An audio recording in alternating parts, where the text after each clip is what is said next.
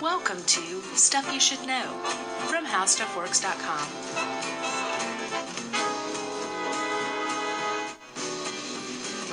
Hey, and welcome to the podcast. Uh, there's Charles W. Chuck Bryant. I'm Amy Goodman. This is Democracy Now!, the War and Peace Report, warandpeace.org, etc. I'm Steven. How you doing? Good. Jerry just said let's do this old school right before she recorded, and I, I have no idea what she